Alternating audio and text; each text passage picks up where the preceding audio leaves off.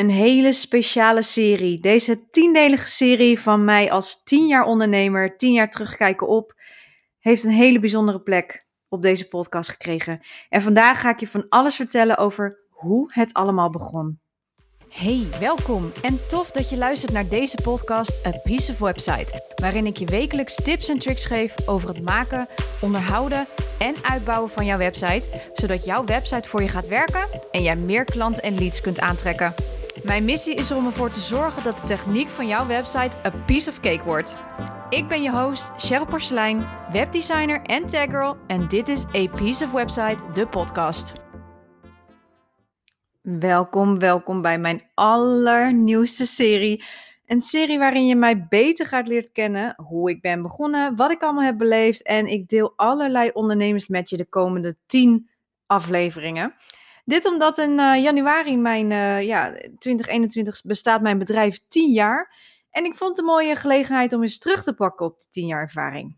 Nou, en ik moest echt wel even diep graven voor deze serie. Uh, ik moest mezelf vooral weer aankijken. En je zult ook merken dat, ja, dat het andere podcasts zijn dan dat je misschien van mij gewend bent.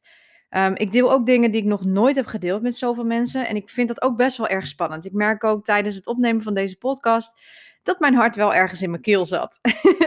maar waar het allemaal om draait is, is dat ik hoop dat ik een uh, inspiratie kan zijn. Um, maar ik vind het ook heel erg leuk om terug te kijken op alles wat ik tot nu toe ja, bereikt heb. En ja, jeetje, tien jaar ondernemer. Um, ja, en ik dacht, laat ik maar gewoon beginnen bij het begin, hè, waar het allemaal begonnen is. Van danseres naar tag girl, zo heet deze aflevering. En ik ga je precies vertellen natuurlijk hoe dat komt. Ik heb namelijk helemaal geen uh, makkelijke schooltijd gehad. Hè. En, uh, op school, middelbare school, basisschool. Um, dat waren voor mij de minst leuke tijden. veel gepest, um, ouders gescheiden.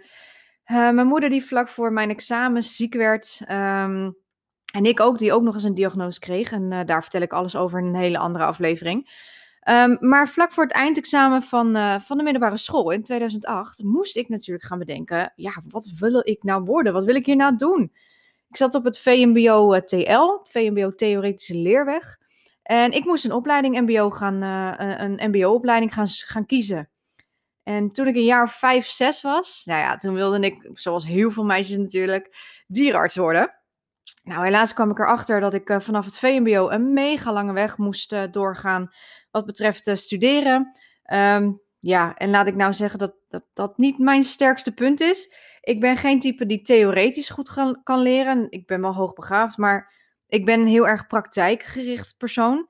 Um, ik pas ook helemaal niet in standaarden van gewone scholen. Hè. Dus middelbare school en basisschool waren daarom voor mij ook heel moeilijk, omdat ik in de ene vakken, bijvoorbeeld talen, blinkte ik uit. Ik spreek heel goed Engels. Um, ging heel makkelijk in bij mij.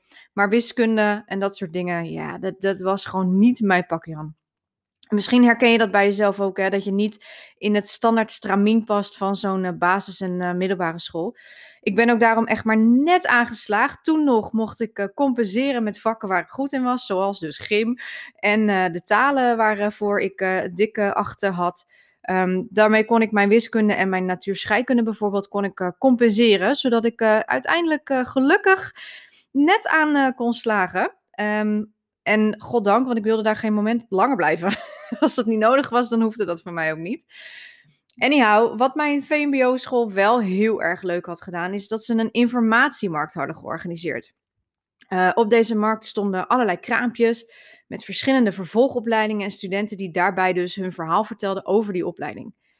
Nou ja, ik wilde na dierenarts uh, de droom opgegeven te hebben heel graag danseres worden. Ik danste redelijk fanatiek bij een dansschool bij mij in het dorp. En dat was echt iets. Uh, ik heb daarnaast nog uh, deed karate. Um, en karate en dansen, dat waren twee hele grote passies van mij. Ik heb ook echt jaren gedanst. Um, ik heb net zo lang gedanst als dat ik karate deed. Volgens mij zelfs nog langer gedanst dan dat ik karate deed. Uh, beide zo'n beetje tussen de 14 en 16 jaar. Lang heb ik dat gedaan met heel veel plezier. Um, of ik wilde misschien dus uh, danseres worden of de musicalwereld in. Omdat ik zingen ook heel erg, ja, heel erg leuk vond. Ik heb ook een paar zanglessen gehad. Maar goed, dat was toen iets waarvan ik dacht, nou, misschien kan ik dat wel doen. Nou, helaas gooide mijn lichamelijke beperking daarvoor ook roet in het eten. daar, daar, vertel ik je uh, in een andere aflevering natuurlijk alles over. Um, dus nou ja, liep ik de kraampjes af, vooral maar met een uh, open mind. Um, ja, want ik moest toch iets anders zoeken waar ik in ieder geval mijn eigen kwijt kon op de een of andere manier. Nou ja, en ik liep die grote aula in hè, van die informatiemarkt en ik kwam als eerste een modeontwerpopleiding tegen. En die student achter het kraampje, die stond daar, die had een prachtige portfolio met prachtige schetsen die ze had gemaakt van jurken, van jassen, van pakken. En toen dacht ik, ah, dat is wel iets waar ik blij van werd. Dat, dat, dat past misschien wel bij mij. Hè? Ik zocht in ieder geval iets creatiefs. Nou ja, creatiever kun je het bijna niet krijgen, dacht ik.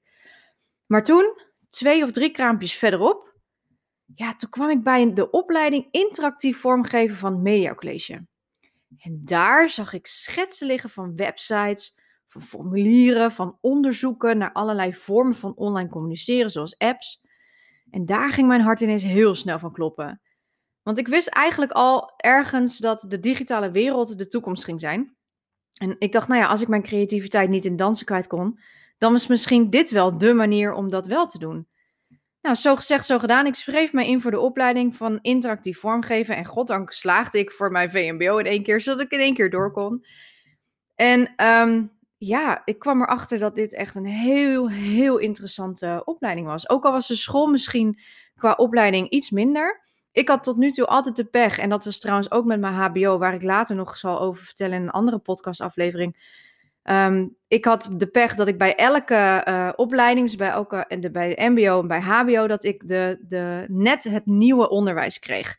Dus het nadeel daarvan was is dat wij eigenlijk uh, ja, als, als guinea pigs, hè, als uh, proefkonijnen werden gebruikt. Waardoor eigenlijk er geen systeem in zat in het lesgeven.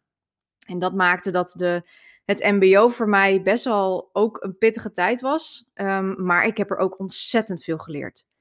Maar goed, interactief vormgeven, of ook wel interaction design noemen ze dat in het, uh, in het mooi Engels, is dus een ontwerpdiscipline die zich bezighoudt met het gebied waarin mensen een systeem, dus machine en applicatie, elkaar tegenkomen, elkaar ontmoeten. Nou, klinkt allemaal heel boeiend zo. Maar met andere woorden, hoe mens en machine dus met elkaar interactie hebben. En dat kan heel klein zijn, van een contactformulier die aangeeft of iets niet goed is ingevuld, tot de grote industriële machines, machines waarmee je auto's in elkaar kunt zetten. Die hebben ook een bepaalde interactie nodig.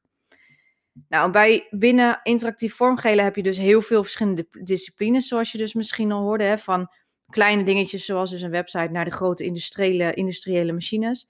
En nu ga ik gewoon even wat uh, vakjargon naar je oor gooien. Maar bijvoorbeeld informatiearchitectuur zit erin, vormgeving van informatie. Dus dan kan je denken aan infographics. User interface ontwerp, dus gebruiks, uh, gebruik interface, um, hoe je dat gebruikt. Dus dat zijn eigenlijk de websites. Contentstrategie zat erbij. Techniek, nou nog veel meer. Um, ik heb uiteindelijk gekozen om mij te specialiseren in user interface uh, ontwerp en vormgeving, informatie, vormgeving van informatie, sorry. En dus makkelijk gezegd, webdesign. um, ja, weet je, op deze opleiding kwam ik ook eerst voor het echt in aanraking met websites. En, en de digitale wereld ook niet te vergeten. Ik bedoel, tien jaar. In tien jaar is er echt heel veel gebeurd in de wereld van internet. Um, ik leerde om te gaan met de software van Adobe, zoals Photoshop, Illustrator, InDesign. En daar verwerk ik vandaag de dag uh, nog steeds met heel veel plezier mee. Ik werk er echt elke dag mee. Maar ik heb ook geleerd, bijvoorbeeld, hoe, uh, met, hoe ik met de hand moest coderen. HTML, CSS is een vormgevingstaal. Maar JavaScript en PHP was wel echt een coderingstaal.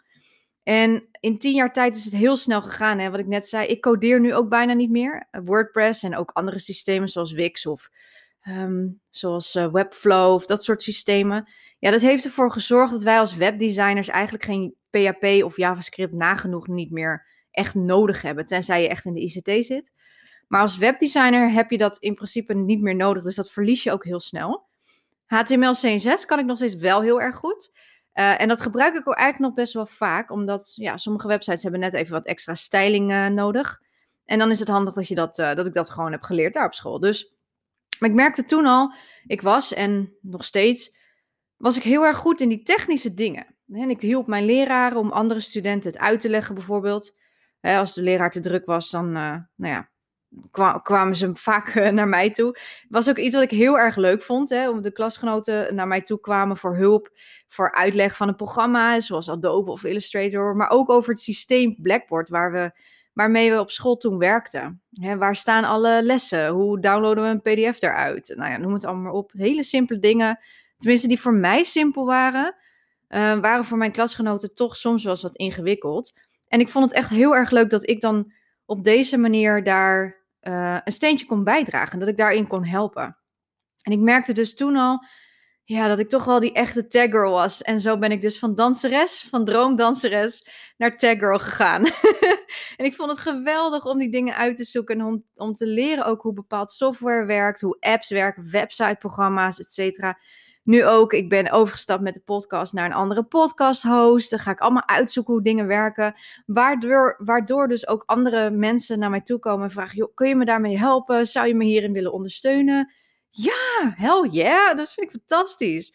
En later heb ik dit dus ook volledig omarmd. En ik zal er alles over vertellen in een hele andere aflevering over de keuzes die ik allemaal gemaakt heb.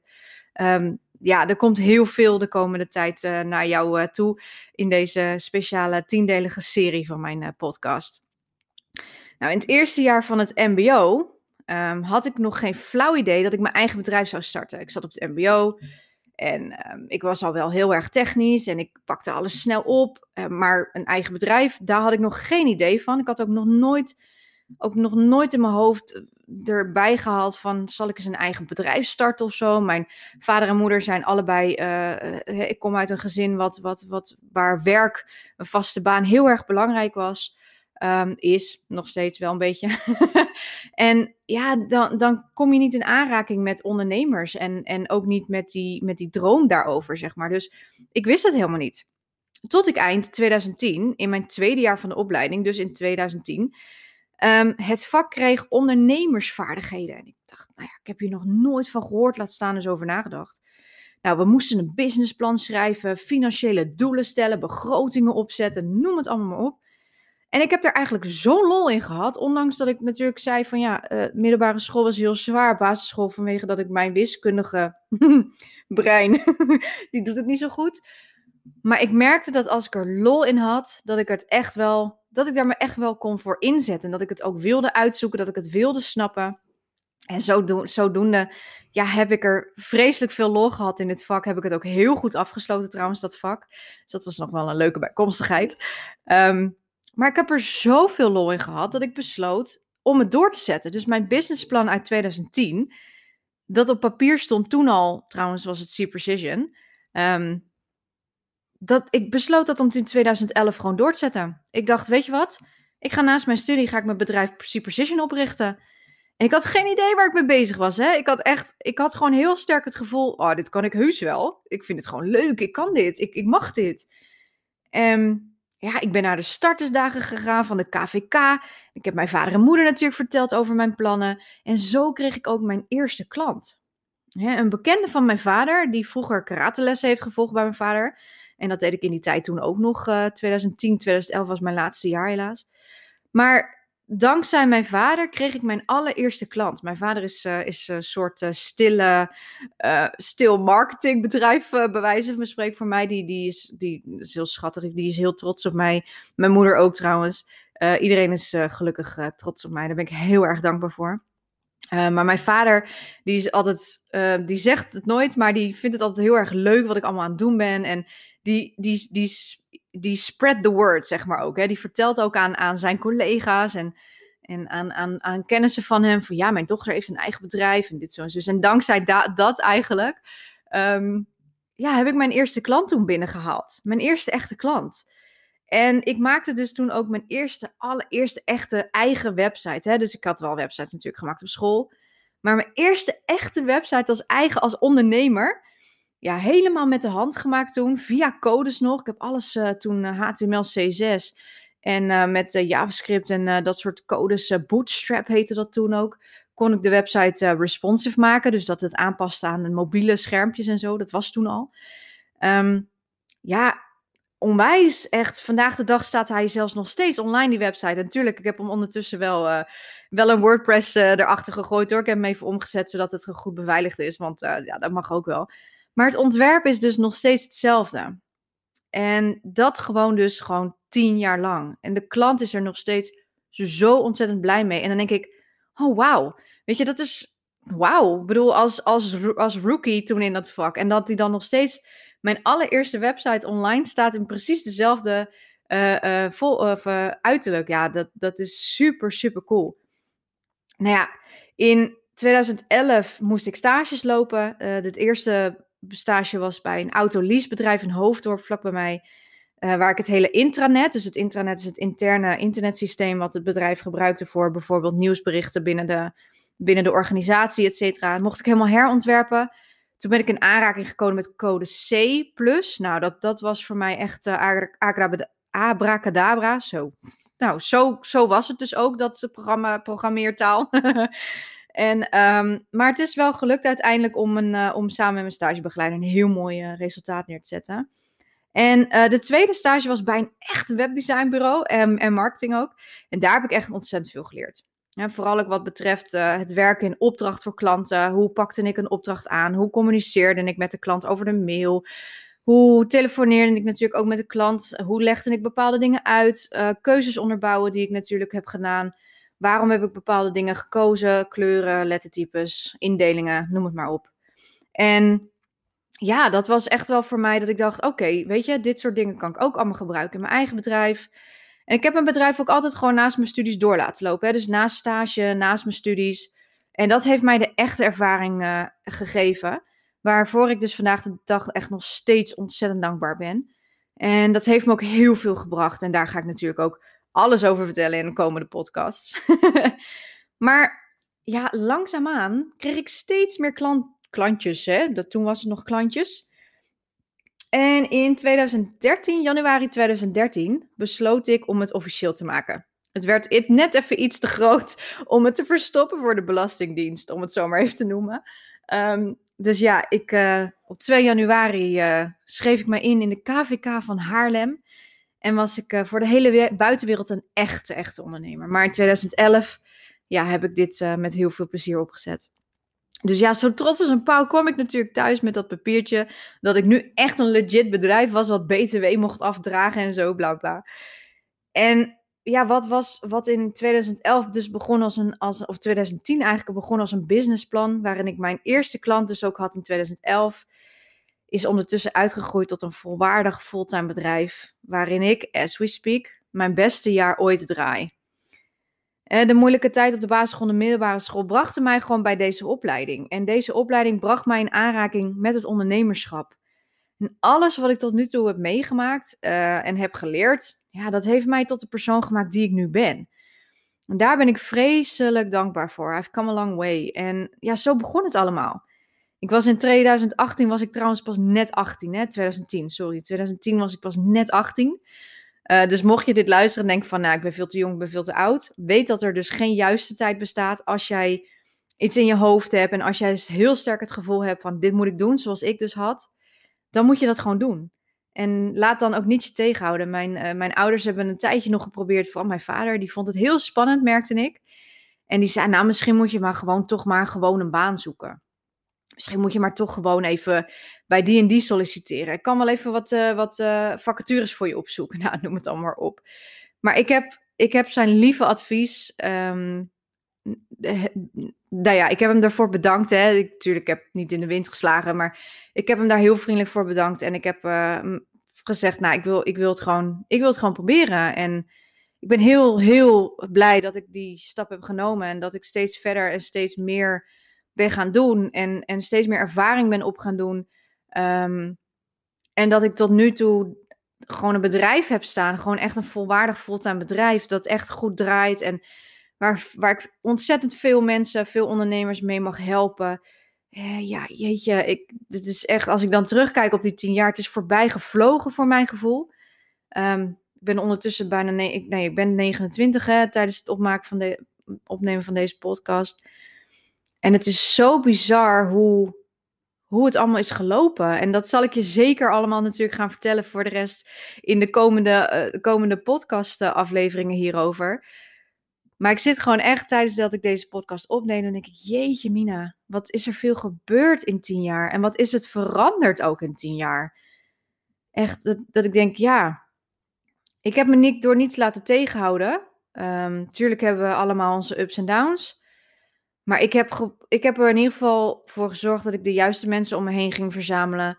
En dat ik vooral op mezelf ging vertrouwen. Ik denk dat dat het belangrijkste is. En aan het eind van deze uh, tiendelige serie deel ik natuurlijk mijn tien ondernemerslessen. Maar ik vind het vooral heel erg leuk om tussendoor natuurlijk ook extra nog uh, te delen met je. Maar ik denk dat we vertrouwen in jezelf en het gaan, het doorzetten uh, voor iets wat je heel graag wilt, dat dat me gebracht heeft tot waar ik nu ben. Dat ik het nooit heb opgegeven, dit bedrijf. Dat ik er altijd um, tijd voor heb gemaakt, ondanks dat mijn studies ontzettend druk waren. En, en dat ik vooral mijn eigen intuïtie daarin heel erg heb gevolgd, ondanks wat anderen het misschien tegen me zeiden. En ik denk dat dat voor, als ik zie waar het allemaal begonnen is, als, als dat ik als groentje om de hoek kwam kijken, dat ik, dat ik niet eens toen, toen wist, bij wijze van spreken, wat een begrotingsplan was. Ja, is ongelooflijk. Is ongelooflijk. Daar ben ik echt ontzettend dankbaar voor. Dus wauw, ik ben er af en toe ook, weet je, tijdens het maken van deze podcast was ik, was ik zelf af en toe ook wel eens sprakeloos over mezelf. En het klinkt misschien heel gek, maar dat ik echt denk van, jeetje Mina, wat heb je allemaal al bereikt? En wat ga je nog allemaal bereiken? Hè? Want dat is ook leuk. Het is ook, deze podcast is niet alleen terugkijken op tien jaar ervaring ondertussen, maar ook waar wil ik over tien jaar staan? En ehm, ja, ook daar komt natuurlijk een podcast over, over waarvan ik droom en wat mijn verlangen zijn. Maar als ik dan terugkijk, dan denk ik, jeetje, oh, wauw, dat ik dat allemaal gewoon heb gedaan. Ondanks alles, ondanks een hele moeilijke weg en ondanks een, een, lichamelijke beperking die best wel eens wat roet in het eten kan gooien, ehm, ben ik toch heel erg dankbaar dat ik tot zover ben gekomen al. dus ja, um, dat is denk ik ook wel een hele mooie afsluiter voor, uh, voor deze eerste aflevering. En in de volgende afleveringen trouwens ga ik uh, vertellen hoe ik uh, ging van hobbykamer van mijn moeder naar een eigen appartement met kantoor en huis. Um, ik hoop dat je deze eerste aflevering leuk vond. Ik zou het echt te gek vinden als je mij laat weten wat je ervan vond. En luister je deze podcast, maak dan even een screenshot, deel hem in je stories, deel hem op je Facebook. Tag mij, uh, Cheryl Porselein. Uh, ik, zou het echt, ik zou het echt te gek vinden. Ik wil je in ieder geval bij deze heel erg bedanken voor het luisteren. En uh, tot de volgende aflevering. Doei doei!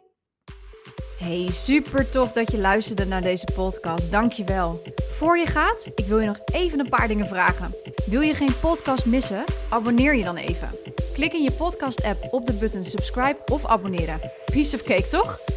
Ook zou ik het echt te gek vinden als je een review via je podcast-app achterlaat. Bijvoorbeeld via iTunes. En naar bonuspunten als je mijn podcast doorstuurt naar iemand waarvan jij denkt dat hij of zij er ook iets aan heeft. En als laatste, ik vind het altijd heel erg leuk om berichtjes te ontvangen van luisteraars. Om te horen wat ze van de podcast vinden. Of misschien heb je vragen of suggesties. Misschien heb je wel een inzicht gekregen van een aflevering. Of ben je zelfs in actie gekomen. Stuur mij dan even een DM via mijn Instagram, Porselein. Of maak een screenshot van een van de afleveringen in je Insta-stories en tag mij. Hoe meer ondernemers de podcast horen, hoe meer ondernemers ik kan helpen. Nogmaals, dankjewel voor het luisteren en tot de volgende aflevering.